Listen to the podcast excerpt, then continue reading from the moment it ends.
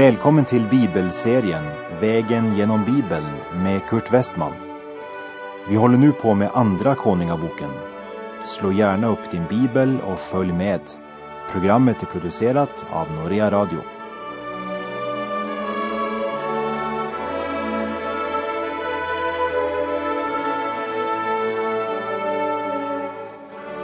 Ja, vi fortsätter och följer profeten Elisa i Andra Kungaboks sjätte kapitel. Och vi har nu kommit till konflikten mellan Aram och Israel. Och vi läser i Andra Kungabok kapitel 6, vers 8 till och med 11. Och kungen i Aram låg i krig med Israel. Men när han rådgjorde med sina tjänare och sade på det och det stället vill jag slå läger, då sände gudsmannen bud till Israels kung och lät säga, ta dig tillvara för att tåga fram vid det stället, ty arameerna ligger där. Då sände Israels kung till det ställe som gudsmannen hade angett för honom och varnat honom för och han tog sig till vara där. Detta skedde inte bara en eller två gånger. Över detta blev kungen i Aram mycket orolig och han kallade till sig sina tjänare och sade till dem kan ni inte säga mig vem av de våra det är som håller med Israels kung?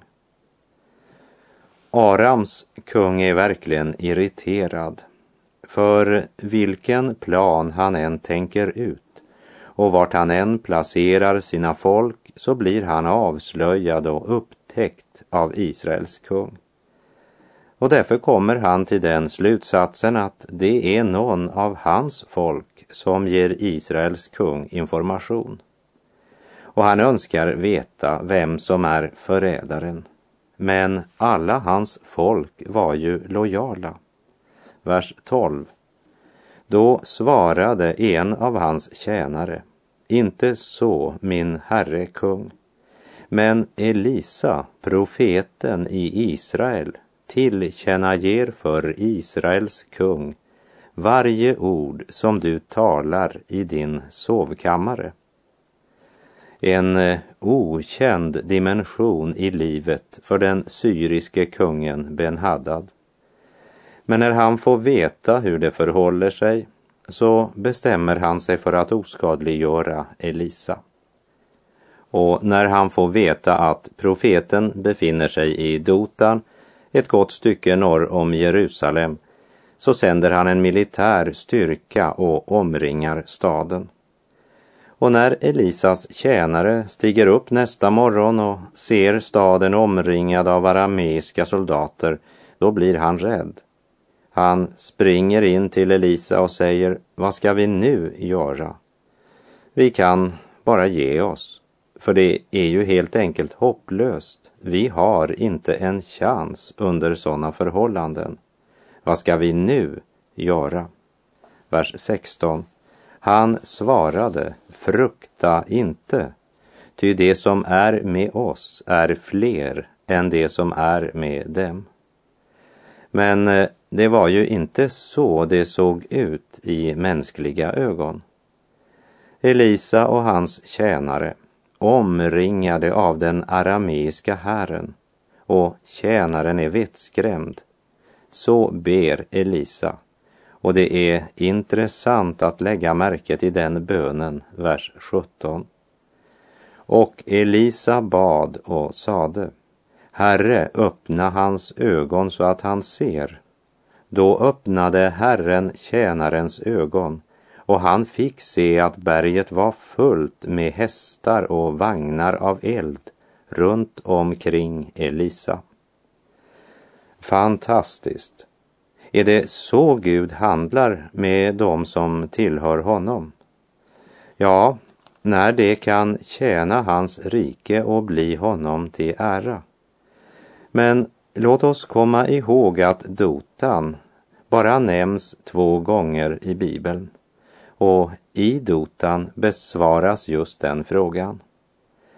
En annan Herrens tjänare hade varit i dotan tidigare. Han är ung, faktiskt bara en pojke, 17 år gammal.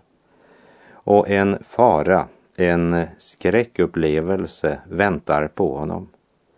Det är Josef som är på väg till sina bröder som först tänker döda honom men så slänger de honom i brunnen istället och säljer honom sedan som slav.